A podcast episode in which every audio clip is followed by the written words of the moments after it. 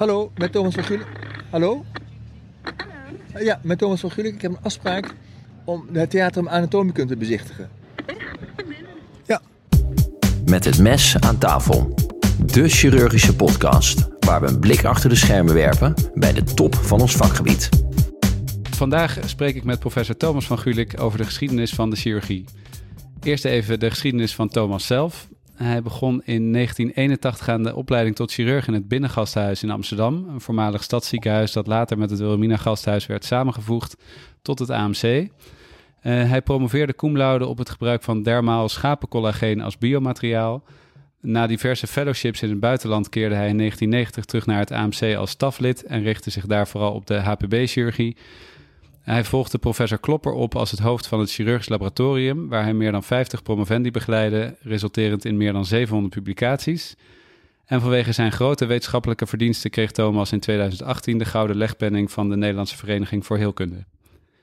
In 2018 nam hij afscheid van het Amsterdam UMC en sindsdien reist hij een paar keer per jaar naar Nepal, waar hij met een aantal ziekenhuizen samenwerkt om de HPB-chirurgie te ontwikkelen. Ondertussen begeleidt hij zijn laatste paar promovendi en schreef hij boeken over 350 jaar academische geneeskunde in Amsterdam en het boek Prometheus tussen kunst en lever. Thomas, welkom. Hallo. Uh, ik zal even aan de luisteraars uh, vertellen waar we nu zijn, want uh, deze plek ademt ook al meteen geschiedenis. we zijn bij Thomas thuis in zijn werkkamer in het prachtige 17e eeuw, eeuws huis aan de Prinsengracht, midden in het historisch centrum van Amsterdam. Um, waar komt jouw voorliefde voor de geschiedenis zo vandaan? Nou, je begrijpt dat ik in een uh, historische omgeving woon, dus dat is al uh, heel inspirerend natuurlijk. Um, ja, waar het vandaan gekomen is, was ik altijd wel geïnteresseerd in, in geschiedenis. Maar in de chirurgie was ik altijd geïnteresseerd in hoe mensen een operatie hadden bedacht welke chirurgen uh, nou op het idee kwamen om een bepaalde operatie op die manier uit te voeren. En meestal ging ik dan eh, eh, kijken, als ik een operatie voor het eerst zelf moest doen. Ehm, nou, dan kijk ik natuurlijk altijd avond van tevoren van wat zijn de stappen die je moet doen. Maar dan ging ik ook altijd kijken naar wie heeft dat nou bedacht en wie was nou de eerste eh, die die operatie had uitgevoerd. Bijvoorbeeld toen ik mijn eerste cholecystectomie zou gaan doen, als natuurlijk een, in de open periode. Toen hebben we gekeken van, ja, dat was dus Karl-Hans Langenboeg die in 19... 82 voor het eerst zo'n gooistectomie had gedaan. En eh, toen heb ik zo'n artikel gelezen in de klinische wochenschriften, eh, waarin ik dat beschreef. En ehm, nou, dus dan eh, had hij dat geoefend op honden. En ja, er was natuurlijk helemaal geen medische commissie. Ehm, die, die patiënt die had ongelooflijk veel pijn van zijn galstenen. En die was blij dat er een manier was om er vanaf te komen. Want de enige andere manier was conservatief. En dat was dus, uh, ging naar, de, naar Karelsbad en zo. Dan kreeg je al die, uh, die, die, die, badtherapieën. En dat hielp natuurlijk helemaal voor geen meter. Dus die mensen waren ontzettend blij dat er, dat er in ieder geval iets was. Wanneer was dit? Welke... 1882. En um, ja, hij beschreef dus dat hij de, de, de cysticus onderbond en dat hij galba's verwijderde. En uh, nou, dat, ging, dat is allemaal heel goed gegaan. En was zonder bloeding. En ja, dan gaat hij verder ja, de volgende dag uh, was een patiënt, uh, we kwamen ook bezalen. Mijn patiënt zat in de stoel naast het bed een sigaar te roken. Nou, dat is een fantastische, dat is wel fast track zou je zeggen, ja, ja. Dat, uh, dat, hij dat had gedaan. Werd dat dan zomaar geaccepteerd, die, die, die cholecystectomie van Langebroeg? Nee, helemaal niet. Er waren natuurlijk een aantal verre tegenstanders. Ehm, er was een Engelsman, Lawson Tate. Ja, die vond het echt misdadig om die galblaas te verwijderen. Dus, want hij was ervan overtuigd dat je uh, alleen maar die galblaas hoefde te openen. Dus een cholecystostomie en dan die galstenen eruit en dan dicht hechten. Dus dat is een controverse die nog jaren heeft uh, geduurd en uiteindelijk door Langeboeg is gewonnen. Want de cholecystectomie, dus het verwijderen van de galblaas, werd eigenlijk overal overgenomen. Maar het idee van die Loss Tate, en daar, en daar kun je dan toch weer van leren van de uh, geschiedenis van, van de chirurgie. Dat uh, vorig jaar is een onderzoek gepubliceerd in het NDVG van Hozemans en Maurits de Brouw. Waarin ze aantonen dat bij bariatiepatiënten met galstenen, waar het risico toch iets hoger ligt voor een cholecystectomie, dat je daar heel goed de galblaas kan openen, de galsteen eruit halen, hechten. Dus echt een cholecystostomie. Net zoals Lawson Tate eigenlijk hè, in, de, in, de, in de 19e eeuw voorstond. Ehm, dus dan zie je dat zo'n concept toch weer terugkomt. Hè? Dat, ehm, Zo kan je toch leren uit het eh, verleden? Ja, zeker. En uh, ja, een andere reden, reden was dat, ehm, eh, dat ik het ontzettend leuk vond om die oude boeken te verzamelen. Dus ik heb een hele verzameling van oude medische boeken, waaronder ook een aantal bijzondere chirurgische boeken. Ja. En daar vond ik het ontzettend leuk in om te, te lezen en te zien hoe ze dat hadden in elkaar gezet. Misschien kunnen we even naar zo'n boek lopen, naar ja. de dit Uh, nemen we de apparatuur even mee. Ja. En dan lopen we naar... Je hebt een hele boekenkast vol met uh, prachtige oude boeken zo te zien. Ja, nou ja dit is het boek van uh, Laurens Heister. Um, ja, dat is een prachtig natuurlijk. Dat waren natuurlijk hele mooie boeken met, met uit, uitklappagina's met, met prachtige tekeningen. Prachtig, ja. Uh, ja, hier zie je, hier zie je die breukbanden. Het was natuurlijk de tijd dat, uh, dat een liesbreuk werd met een breukband behandeld. Ja, Uh, maar, maar daar links zie je ook een, um, een soort prothese voor een uh, onderbeens, na een onderbeensamputatie. zitten wel ook een hoop martelwerktuigen bij. Ja, het ziet eruit als, als martelwerktuigen. Vooral die voor de mama-amputatie, dat ziet er inderdaad uit. Dat is gewoon een soort ronde ring waarop die over de mama werd geschoven en dan, werd het eraf gesneden. Oh ja. Dus dat was heel praktisch. Ja, Want dat moest ook allemaal heel snel geboren, gebeuren. Ja. Even kijken. Dit is een, ja, dit dat- is een trepanatieboor. Ja, daar boorde je dan een, eh, een gat mee in het Ja. hoofd. Ja, dat was voor trauma capitis. Hè? Dus dan eh, eh, dat je na zo'n schedeltrauma, dat je dan in ieder geval het bloed een weg naar buiten moest geven. Ja, Dus een 100, 300 jaar, 400 jaar voor Christus was het hele concept van een, een, een schedelinhoud decomprimeren door middel van een trepanatie was eigenlijk al, al toen bekend. Ja. Maar dit, is, de, dit soort boeken zijn eh, 200 jaar oud of eh, de- deze is wel 400 jaar oud. 400 jaar oud. Ja. Ruis is natuurlijk eh, mijn, mijn favoriet. dat was dan een anatoom. Frederik Ruis, die had een prachtig boek geschreven. ja? Oh ja. Opera Omnia. Pracht, en dat, hij maakt dus al die preparaten, zoals dit. Oh ja. Ligure ja, tekeningetjes. dat is- dat- ja, dat is een, een foetus die zijn eigen placenta in zijn hand houdt. Ja, dat, dus dat, dat, soort, eh, dat soort dingen. Maar goed, dus zo wordt je belangstelling eh, steeds groter. ja. Maar die boeken hebben daar ook een, ehm, een, een belangrijke rol bij gespeeld. Eh, goed, dan gaan we terug naar de, naar de oudheid. Ja. Ehm, wat deed een chirurg in die tijd? Ja, ik denk dat het toch maar heel weinig was. Hè? Dat was, ik denk, voor het grootste gedeelte toch moed inspreken. Dat is het belangrijkste.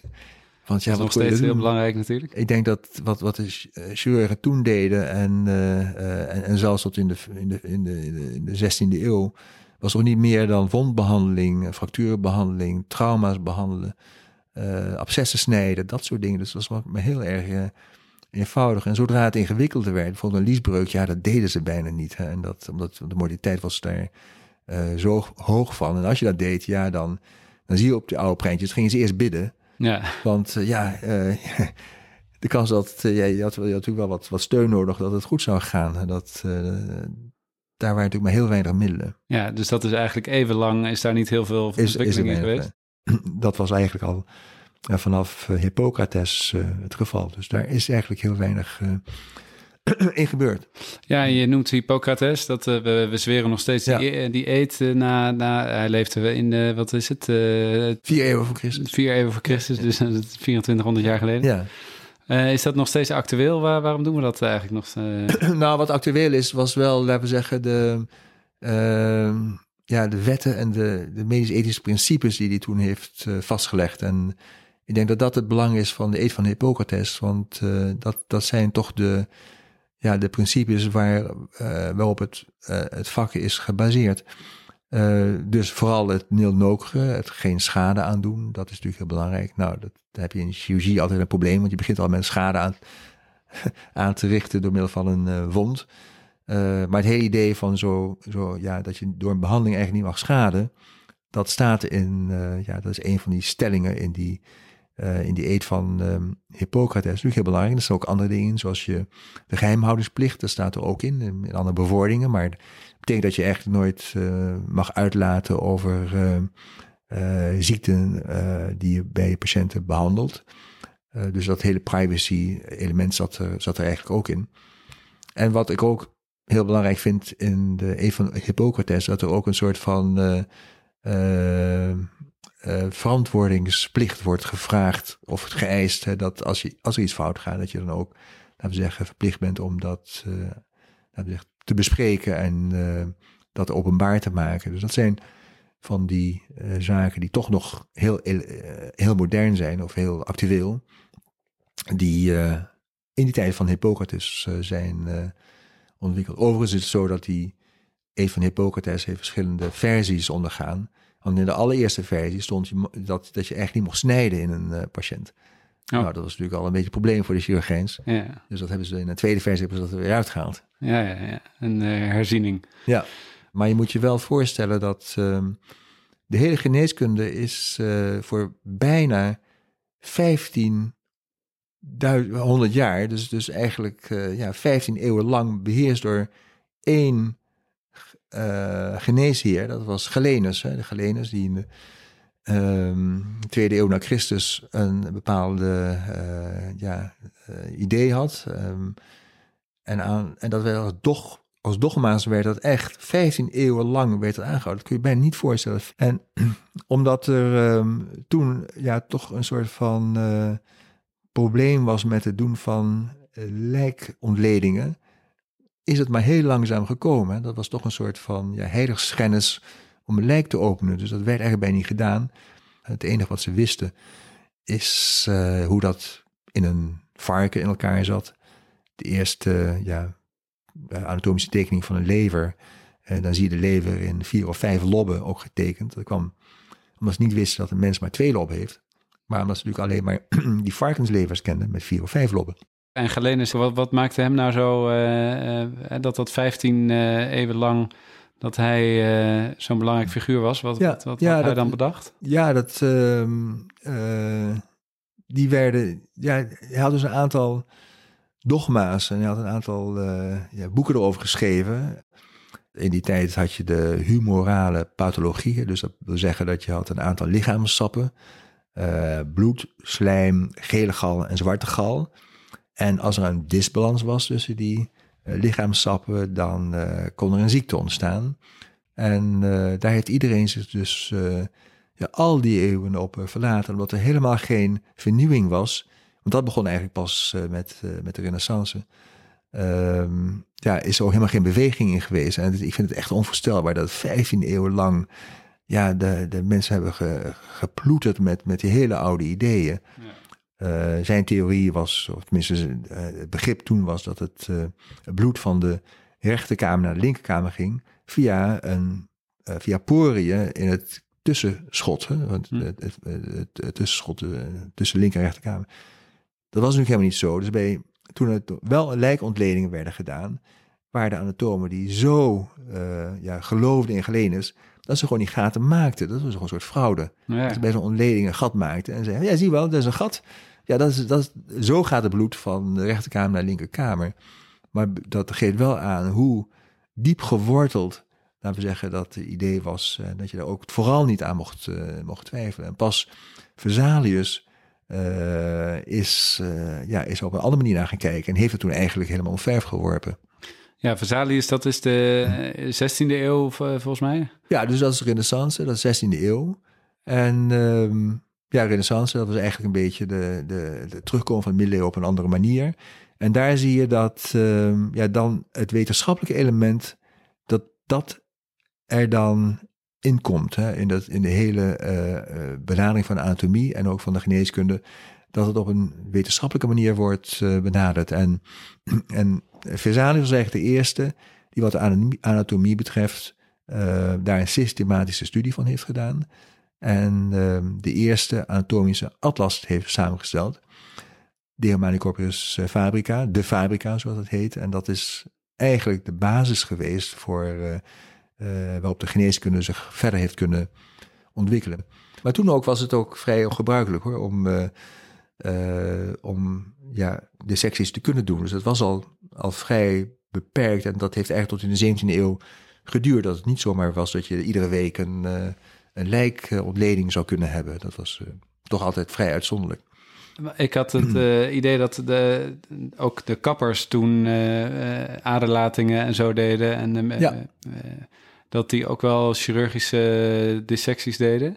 Ja. en, en dat daar de, dat rood-witte ding wat bij de kapper voor de deur hangt vandaan komt, toch? Dat, ja, ja dat, maar dat is een beetje de, het begin van onze, van onze beroepsgroep. Dat de chirurgijns, dat waren dus de niet-academisch geschoolde eh, gezondheidswerkers, zou je kunnen zeggen.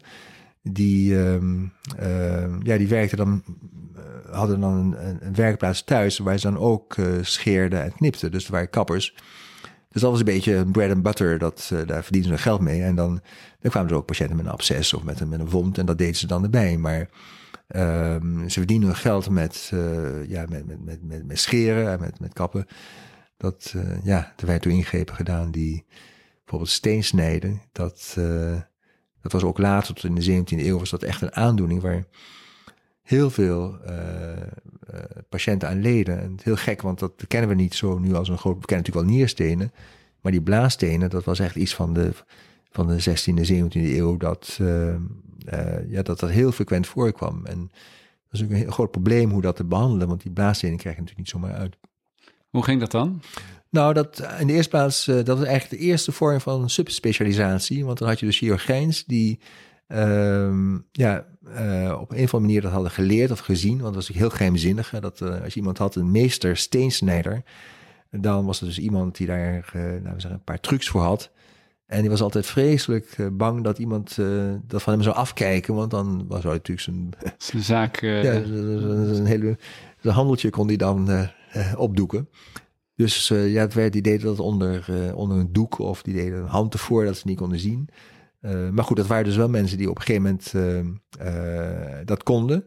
En ja, die, officieel was het in Amsterdam ook zo dat je moest een certificaat hebben van het bestuur, van het stadsbestuur, dat jij officieel een steensnijder was. Hè, dat je dus dat brevet had. En ja, dan kon je dat op een aantal manieren doen. Uh, de eerste manier was eigenlijk een soort van uh, perineale methode. Moet je je voorstellen, uh, zonder anesthesie. Toen kwam er eigenlijk een, ja, de Amsterdamse, Amsterdamse benadering was toen toch meer suprapubis. En Leidse benadering was weer lateraal. En er waren eigenlijk drie manieren waarop je stenen eruit kon halen. En het was altijd een hele, ja, een hele discussie welke de beste was. En het is altijd aardig om te lezen ja, wat die chirurgen, ja, die, die, als ze dan zo'n debat hadden, hè, op zo'n uh, gildevergadering, dan scholden ze echt elkaar verrot. En dan, dat is echt niet te geloven wat je daar leest. En dan werd er gezegd van, ja, ja, ja charlatan en dit en dat. En daar klopt helemaal niks van. Ongelooflijk. En ja, iedereen vond dus dat zijn methode de beste was. En, uh, maar dan werd er gewoon suprapubis een groot mes in de blaas gestoken. En, daar waren dus verschillende methoden voor. Dat, daar begon het dan meestal mee. Dat via de uretra dan een, soort uh, zonde erin werd gebracht. En op geleide daarvan kon je dan van lateraal die zonde voelen. En dan moest iemand anders op die, op die, op die steen gaan leunen. Of via de buik. Dat je die, dat contact had. En dan kon, ja, dus via de laterale benadering of via het rectum zelfs, perineaal, werd zo'n stenen dan uitgehaald. Hè? En eh, het lijkt me vreselijk. Ja, dat was ook, dat was ook vreselijk. Dat waren ook heel veel patiënten die dat niet overleefden. Nee. Dat was echt over een mortaliteit van 20, 20, 30 procent als je dan de getallen leest uh, die erover beschreven worden. Maar zoals we weten was, kun je dat dus wel verdubbelen. Want dat was natuurlijk, uh, ja. Maar was zo'n blaassteen dan zo, zo gevaarlijk? Ja. Zo pijnlijk? Ja, was, was, was ongelooflijk pijnlijk. Um, dat er zelfs in een, in, in een ziekenhuis uh, ja, op een gegeven moment gevraagd werd... kan er in godsnaam iemand zo'n steen verwijderen... want die patiënt die houdt al die patiënten wakker. Ja, ja. die, die schreeuwde de hele nacht door. Een soort koliekpijn zo, blaas. zo, Pijn, zo pijnlijk blaas. En ja, dat was één manier om, het, om het te verwijderen. Dan moet je dus een steensnijder halen die dat dan zou doen. Maar dat was dan het laatste remedie. En dan ja, dat, dat, meer was er niet. Hè, dus dat was toch wel een groot, groot probleem. En waarom zien we dat dan nu niet meer? Is dat ja, in dat, het dieet? Dat weet ik niet. Dat, dat, zal, dat zal wel iets in het dieet hebben. Ik heb wel eens gevraagd aan, aan, aan, aan medische historici, maar heeft echt niemand een goed antwoord op. Maar dat het toen een groot probleem was, dat, dat is evident. Want ja. er wordt daar is heel veel over geschreven. En ehm, ja, dan, dan konden ze dus ook in een latere periode, konden ze dan ook aderlaten. Want dat was natuurlijk ook iets. arts had bedacht van, er moet aderlaten worden, maar die het wel aan een chirurg over. Ja. Wat was nou de, het, het idee van aderlaten? Er werd ontzettend veel gedaan. Ja, ja, ja, ja. Het was het Galenische idee, hè? Die, die humorale pathologie, dat was het Galen- Galenische idee. Dus dat is die, die, die, die 15 eeuwen dat dat, eh, eh, laten we zeggen, als eh, de standaard werd aangenomen. En in die tijd werd dus adergelaten. Eh, en dat was het idee van, ja, je kon maar heel weinig dingen doen. En ja, als je dus die disbalans, of je dat, als je dat wilde behandelen, moest je eigenlijk de druk ervan afhalen. En er waren nog hele theorieën over hoe je dat zou moeten doen. Ehm, ja, dat, dat, dat liefst zo dicht mogelijk bij de pathologie. En eh, als je dus een patiënt had met een pneumonie aan de rechterzijde, ja, dat hadden ze dan wel met, met eh, percussie en zo, konden ze dan wel zien waar het probleem was. Ja, aan de rechterzijde moet je een aderlating aan de rechterkant doen. Want dat hadden ze dan wel weer eh, gevonden, na die, het werken van Vesalius, dat de vena eh, komt natuurlijk vanuit de rechterkant. Hè, dus dan moet je eigenlijk de vena aciugos moet je dan draineren door een aderlating in de rechter eh, onderarm dus doen. Dus dat was, dat was een beetje het concept. Ja, ja. Maar het idee was ehm, het onttrekken van bloed om de druk eraf te halen. En dat kon je met aderlaten doen. Maar dat kon je ook met bloedzuigers. Bloedzuigers was ook een heel populaire methode. En dan, Hm. interessant. Ja, Ja. lijkt me toch eh, Ja. dat je er alleen maar heel moe van wordt van, van dat soort Ja, behandelingen. Nou ja, dat En- kun je ook wel voorstellen dat... eh, ik heb ook wat plaatjes gezien en beschrijvingen van complicaties. Want complicaties hebben we natuurlijk altijd gehad. Ja, dat mensen met een enorm aneurysma spurium in een Ja. eh, rondliepen. Want dan eh, hadden ze toch iets te ver gesneden. Hadden ze de arterie brachialis geraakt. En, En in die tijd, als je een bloeding had, werd dat gecauteriseerd vaak toch ook? Of werd er gewoon een hele hete pook tegenaan geduwd? Of, Nou, ik denk dat compressie was natuurlijk wel het eerste wat, ze- wat ze deden. En bij open wonden was cauteriseren was, was natuurlijk al heel snel al in de tijd van Ambroise Paré, hè, de, de veldarts. Was dat, eh, ja, was dat een manier om, eh, om bloeding eh, te stelpen? Maar ik denk dat eh, ja, de meeste uitwendige bloedingen daar, dat was, dat was gewoon een compressie. En ja, dat, heel veel was niet tegen te doen. En dat Ja. hecht is pas, pas wat, wat later gekomen. Hè? Want wat, wat heeft Paré ehm, allemaal gebracht? Nou, Paré was eigenlijk ehm, de. Ja, hij wordt altijd de vader van de chirurgie genoemd. Want hij heeft als, als eerste een boek geschreven. waarin hij de meest praktische zaken. en dat zo vooral van wat hij als eh legerarts had eh, meegemaakt. eh, beschreef. Dus dan ging het over schotwonden. Hij had eh, hele verhandelingen over schotwonden. en hoe je. eh, die kogels eruit moest halen en hoe je, hoe je die wonden moest behandelen, ook fracturen en dergelijke. Dus eh, laten we zeggen, de basisconcepten van, van wondbehandeling. En hij had er ook allerlei formules voor, van wat je allemaal op wond kon doen, om dat, laten we zeggen, goed te laten genezen. Eh, die basis, dat is allemaal een beetje uit zijn, eh, eh, uit zijn, uit, uit zijn boek. Maar hij Ja. wist ook wel dat je als chirurg heel weinig kon doen. Welke tijd was dat? Dat was de 16e eeuw. En Dat, Oh ja. was een van de, dat was echt in die tijd van, laten we zeggen, Vesalius, dat dat ook opkwam. Ja, Maar hij had wel heel goed in de gaten dat je als chirurg heel weinig kan doen. Want zijn uitspraak was ook van, ja, ik kan de wond eh, verbinden, maar God moet het genezen. En Ja. dus dan liet hij dat ook even wijselijk over aan een hogere macht. Eh, dat is natuurlijk makkelijk eh, het, Ja. het afschuiven van verantwoordelijkheid. Ja, eh. ja. Maar hij was legerarts en, in die tijd werden volgens mij op, op, het, op het slagveld ook heel veel amputaties gedaan. En dat moest dan allemaal zo snel mogelijk, want het was natuurlijk vreselijk pijnlijk. Ja. En ik begreep dat dat in die tijd ook... je was een goede dokter als je het heel snel kon doen. Eh, hoe Ja. sneller, hoe beter je was eigenlijk als... eh, Nou ja, dat was ook dat was ook geen anesthesie. Dus die, eh, die, die, die patiënt werd vastgehouden door zijn kameraden. En dan moest in één keer moest dan, dat, die amputatie worden verricht. En zelfs in de, in de, in de, in de begin van de 20e eeuw waren nog chirurgen die dat heel snel moesten doen. Dus voor de uitvinding van de anesthesie. Er was Ja. één, er was één chirurg, Robert Liston, in eh, Londen. Ik weet niet of je daar wel eens iets van gelezen hebt. ja, Dat was dus een chirurg die had die- eh, drie, drie een mortaliteit van 300% heeft hij behaald, toch? Met Mortaliteit van 300%. Hij was eh, de knife, werd hij genoemd. Hij was zo snel. Hij begon dan ook altijd zo'n zo'n amputatie met, het- met het scalpel tussen zijn tanden. Ah. Dan, kon- dan had hij dat goed vast. En dan kon hij alles goed vasthouden. Zijn assistent moest alles vasthouden. En dat verhaal is inderdaad dat hij in een paar minuten die amputatie deed. Maar eh, toen ook de twee vingers van de assistent die die been vasthield, ook laten we zeggen, mee amputeerde. En omdat het een septische patiënt was, uh, kreeg die patiënt geen overleed aan een septische, uh, aan een septische periode na die operatie. Maar ook die assistent, die, waarvan die vingers waren afgesneden, want die waren natuurlijk ook geïnfecteerd. En dan zat er ook iemand in het publiek die, uh, die daar zo van geschrokken was, die kreeg een hartinfarct, die overleed ook. Ja, dus dan heb je een operatie waarbij dan de patiënt overlijdt, de assistent overlijdt en dan ook nog een, iemand die, die, die toekijkt. Ja, dat is toch niet helemaal goed voor de aantallen dan. Uh, nee, nee, 300 procent, dat is ja. wel, uh, wel wonderlijk. En samen met Frank Iepma heb je het boek Amsterdamse anatomische lessen ontleed geschreven. Ja. Dat gaat voor een groot deel over de chirurgijnschilden in, in Nederland of in Amsterdam. Hoe ging dat er eigenlijk aan toe? Hoe, hoe was dat georganiseerd? Ja, daar, daar hebben we inderdaad met Frank Ipa onderzoek naar gedaan. En het is verrassend hoe die chirurgijns georganiseerd waren in die, in die periode. Dus dan praten we inderdaad over de 16e eeuw.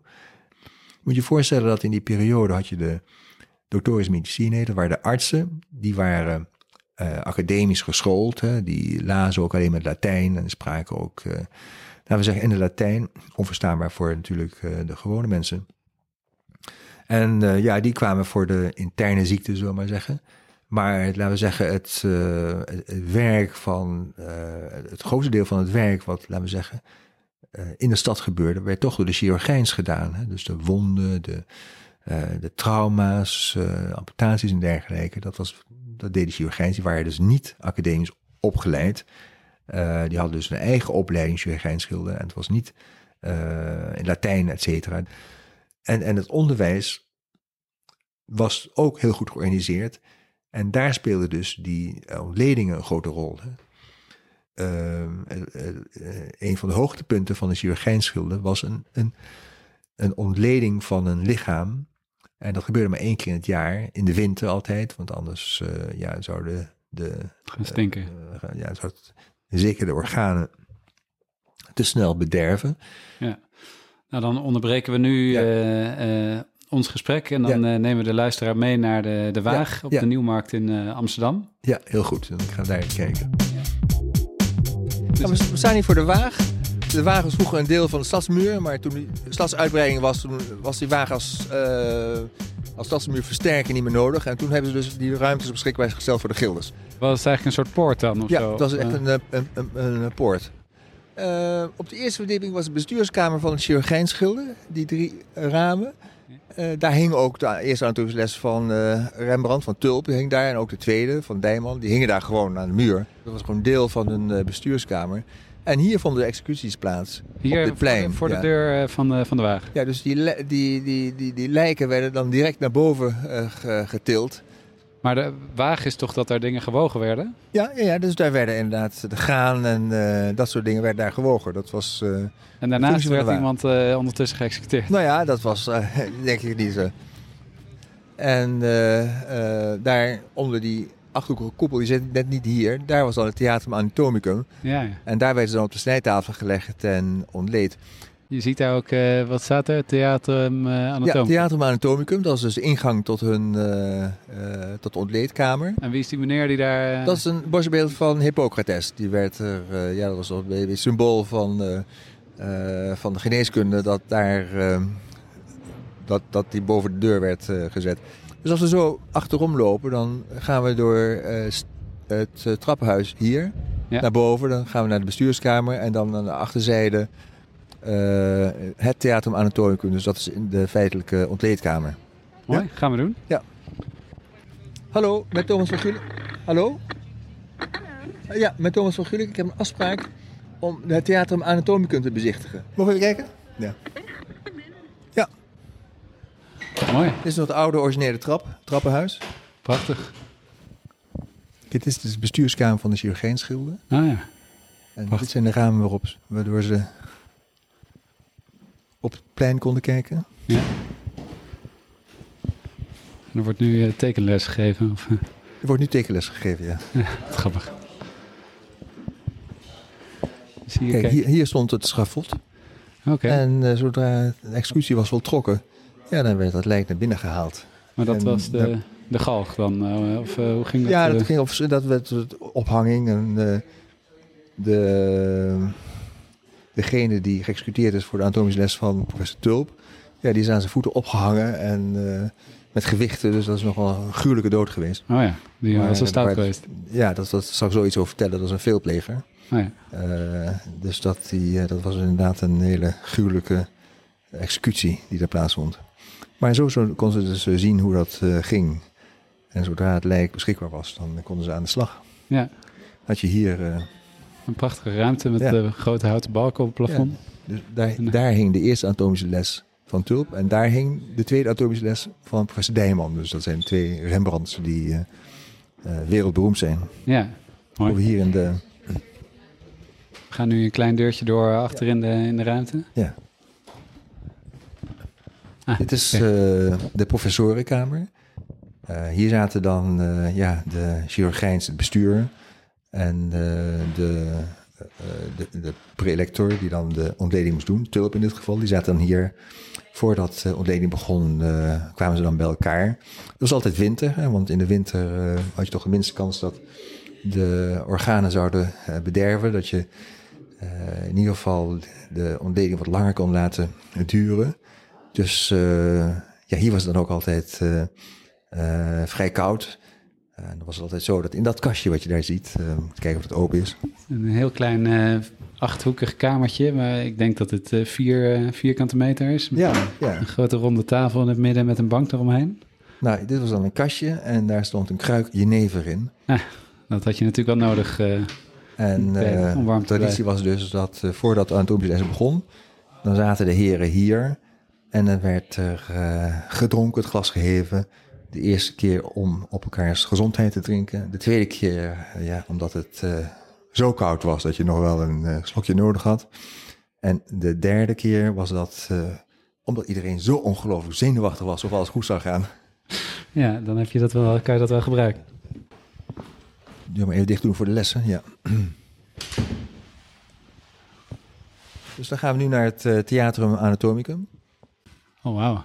Dus eh, dit was een beetje naar het model van een Theatrum Anatomicum. eh, zoals dat in eh, Padua eigenlijk is opgezet. En, je ziet hier een soort achthoekige ruimte met een koepelgewelf met alle wapens van de chirurgijns die ooit in het bestuur hebben gezeten van chirurgijnsgilden. Hier stond dan die snijtafel en daaromheen was dan een soort van amfitheater van eh, banken, waarin eh, eh, de toeschouwers dan het konden zien. En zoals ik al zei, was dat op de voorste rij waar natuurlijk de heren, ja, de belangrijke stadsbestuurders en, dergelijke. De tweede rij waar dat de leerling chirurgijns. En helemaal achterin konden dan de, men, of de, de, de burgers konden een kaartje komen ook te, te kunnen kijken. En er waren ook hele strenge regels voor. Dat eh, je mocht niet eh, interrumperen, dat is één. Je mocht ook geen lichaamsdelen mee naar huis nemen. dat, soort, dat soort zaken werden goed geregeld. Nou, wat goed. En er staat een spreuk hier eh Ja, dat is, een, dat is een hele mooie rondschrift van, eh, van Barleus. En dat is ook wel, ja, dat geeft er wel een beetje aan ja, dat het toch wel belangrijk was dat ze die ontledingen konden doen. Want daar zie je staan, zij die bij hun leven als boosdoeners schaden, worden van nut na hun dood. Oh ja. Dus dat is toch een ja, eh, mooie spreuk. En dat gaat dan zo door eh, om eh, ja, een beetje te kunnen verantwoorden dat een ontleding plaatsvindt. in dit geval dan van iemand die geëx- geëxecuteerd is of ter dood is veroordeeld. Ja, want je zou nog vertellen wat, die, wat diegene had gedaan, die veelpleger. eh, Ja, dus we staan hier voor een kopie van de eerste anatomische les van eh, Tulp. En daar zie je dan eh, de, eh, de stille getuige, dat is dan Adriaan Adriaanszoon, de eh, misdadiger die ter dood veroordeeld is. Eh werd altijd gepest, was dat klein, je ziet dat hij een beenverschil had. Ja, ja. Die liep dus ook een beetje mank. En was echt een draaideurcrimineel. Hij was al verschillende keren veroordeeld. En de laatste keer dat hij veroordeeld was, was, met, eh, was voor een eh, eh, diefstal. En toen hebben ze zijn rechter onderarm, zijn rechterhand hebben ze afgehakt. Oh, Dus in feite, eigenlijk had hij, had hij gewoon een amputatiestomp aan zijn rechterarm. Dat zie je als je een röntgenfoto maakt van dit schilderij ja. dat de oorspronkelijke tekening was zonder die hand. Maar ik denk dat uh, Rembrandt toen heeft gedacht van ja, dat, dat is uh, echt helemaal niet mooi om dat uh, zo af te beelden. Bovendien vond hij misschien een beetje zielig voor die man dat hij zonder die hand moest worden afgebeeld. Dus die heeft er toch die hand eraan geschilderd. Ah. waardoor het compleet is. Maar ja, um, ja je ziet, je, je, we kennen dus die namen van... Kijk, dit is bijvoorbeeld Jacob Blok. Jacob Blok was chirurgijn in het uh, Binnengasthuis. Maar uh, hij had op een gegeven moment het verkeerde been afgezet. Nou, daar kwam kan die, gebeuren. Kan gebeuren, maar daar kwam hij in die tijd ook niet meer weg. Dus hij werd op staande voet ontslagen. Maar omdat hij natuurlijk hele goede vriendjes had bij het stadsbestuur, kwam hij via de achterdeur twee weken later weer in. Dus dat uh, gebeurde in tijd. toen nog. Ja, dat was van alle tijden. Oké. Okay. Nou, mooi. Nou, dan gaan we weer terug uh, met ons verhaal over de geschiedenis van de heelkunde. Ja. En dan komen we aan bij de, bij de moderne tijd. Um, wat, wat, uh, wat heeft nou de, de omslag gebracht van, van uh, alles wat we net besproken hebben naar, naar de, de moderne tijd in de chirurgie? Nou, de belangrijkste verandering is eigenlijk uh, geweest in het midden van de 19e eeuw. Ehm, dat we onder anesthesie konden opereren. Dus de etenanesthesie was heel belangrijk, door Morton uitgevonden in Boston. En uh, niet lang daarna het hele concept van de antisepsis en de asepsis. Hè, dus van de steriel werken en ook het gebruik van uh, desinfectantia om uh, het operatiegebied zoveel mogelijk te vrijwaren van micro-organismen. En en die, e-, de ether, dat, dat, dat was spul, dat deed je op een doekje en dan daar de bedwelmde ja, je iemand ja, mee. Dat, dat was, ja, van een soort vernevelaar was dat een... Uh, dat was een soort inhalatie-anesthesie die werd uh, toegepast.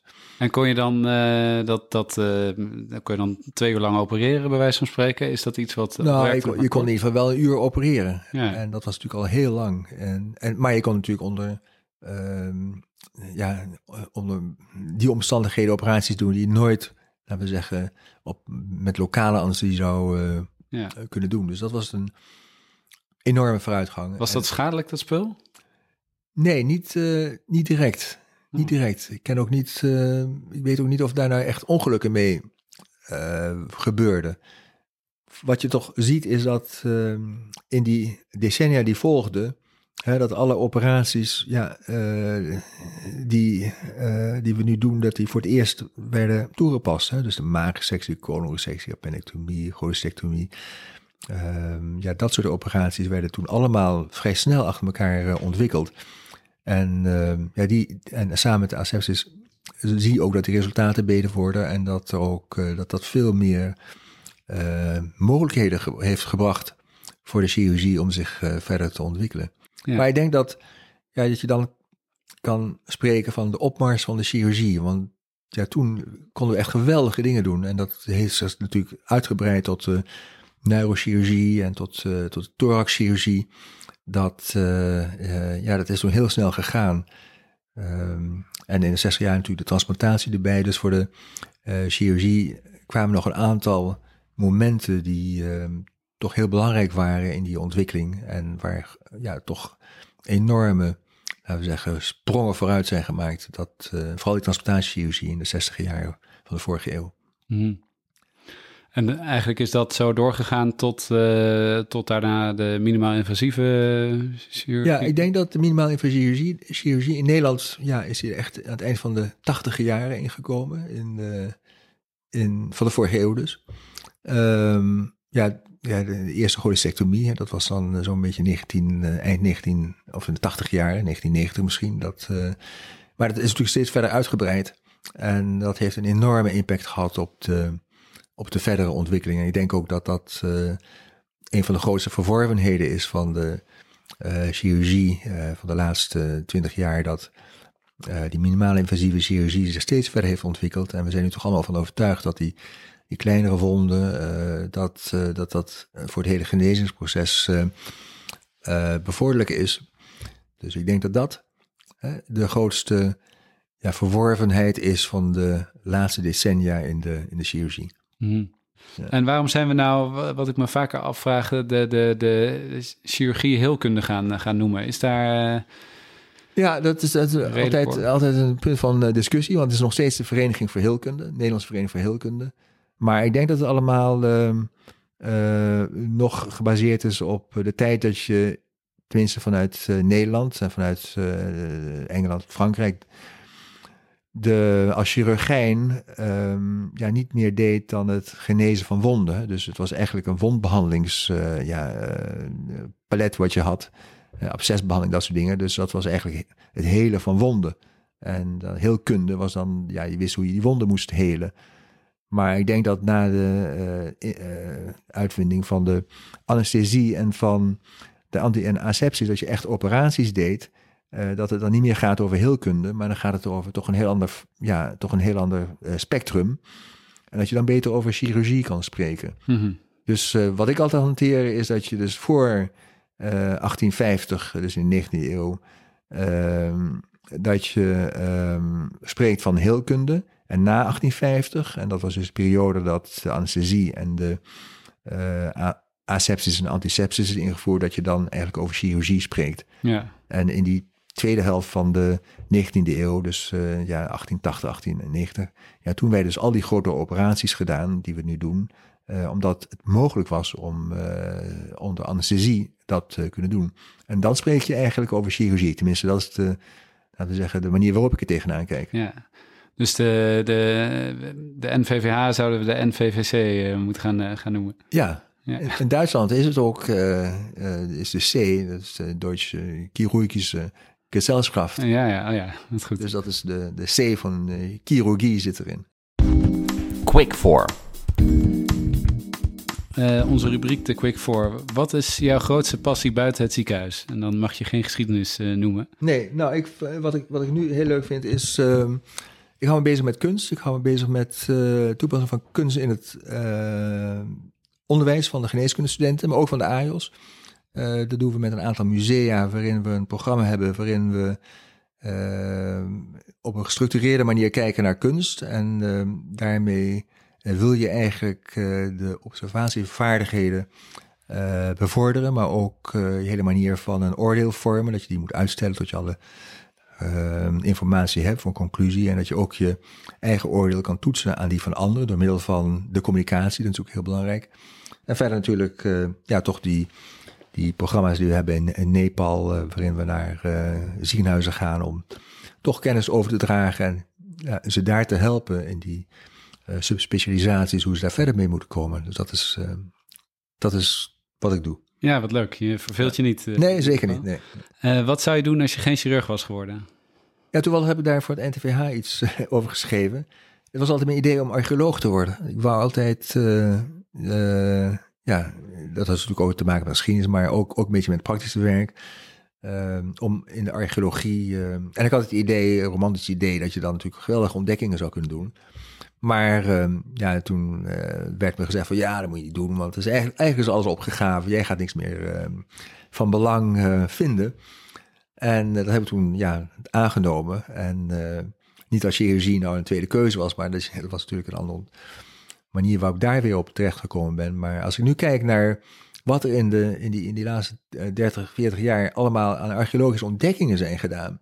Hele steden en in Egypte hele complexen die eh, eh, gevonden zijn en opgegraven zijn. En denk ik van, dan heb ik toch een verkeerd advies gehad. Ja. Want dat is wel degelijk, is er nog enorm veel eh, eh, gevonden.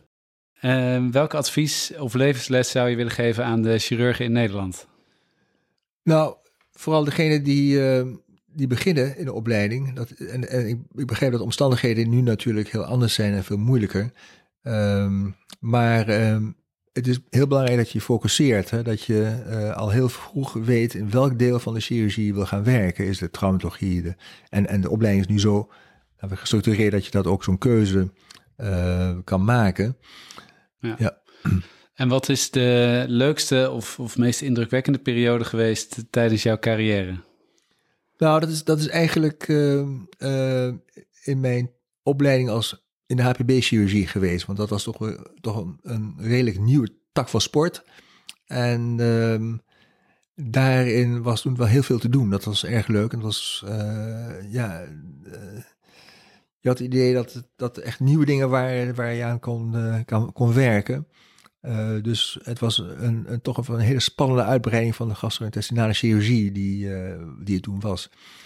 Wat je nu een beetje ziet is dat het een beetje de, de leverchirurgie en, en de pancreaschirurgie, dat het een beetje elkaar gaat, omdat het gewoon te veel wordt voor één, uh, laten we zeggen, specialisme. Je ziet toch hepatobiliair pancreas elkaar groeien.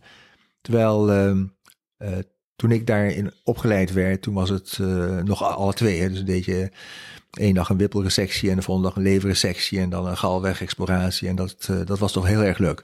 Ja, dat geloof ik wel, ja. ja. Duivelse dilemma's. De duivelse dilemma's. Je krijgt nog een paar dilemma's ja, voorgeschoteld en dan mag je er één uh, uit kiezen. Ja. Um, naar het museum of het voorzitten van een mooie promotie? Ja, ja dat is bijna hetzelfde.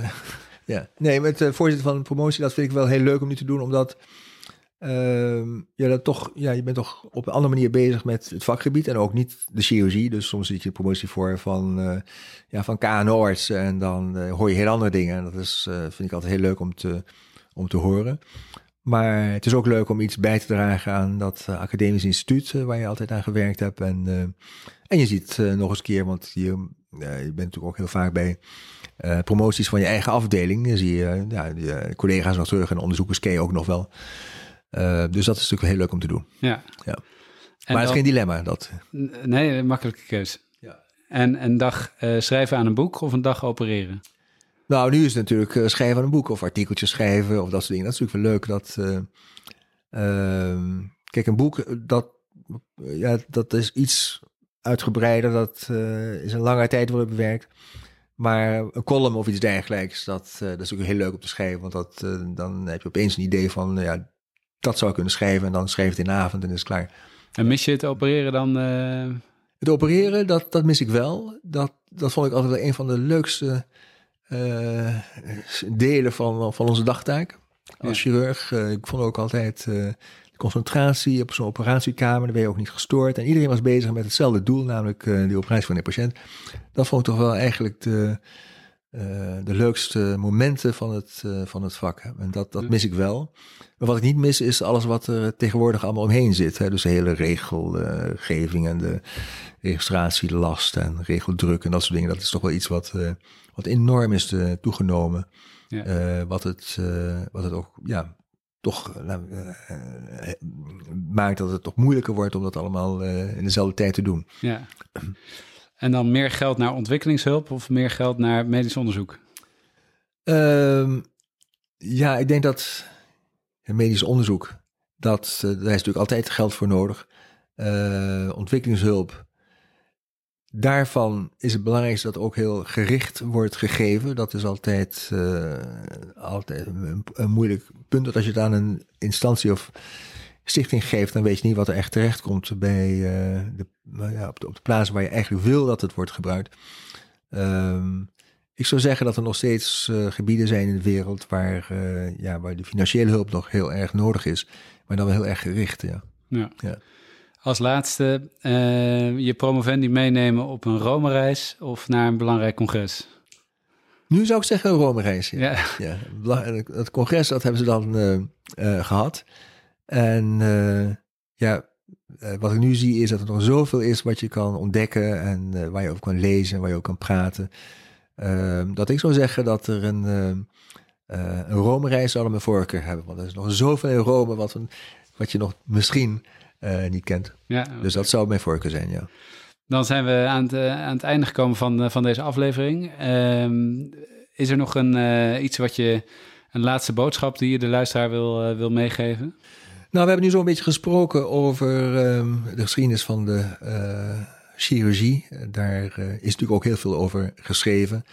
Maar um, wat ik toch aan iedereen wil meegeven is dat er een ongelooflijk goed boek is geschreven door Daniel de Moulin over uh, de geschiedenis van de chirurgie, met name van de chirurgie in, in Nederland. Uh, daar staat alles in over de ontwikkeling van de chirurgie.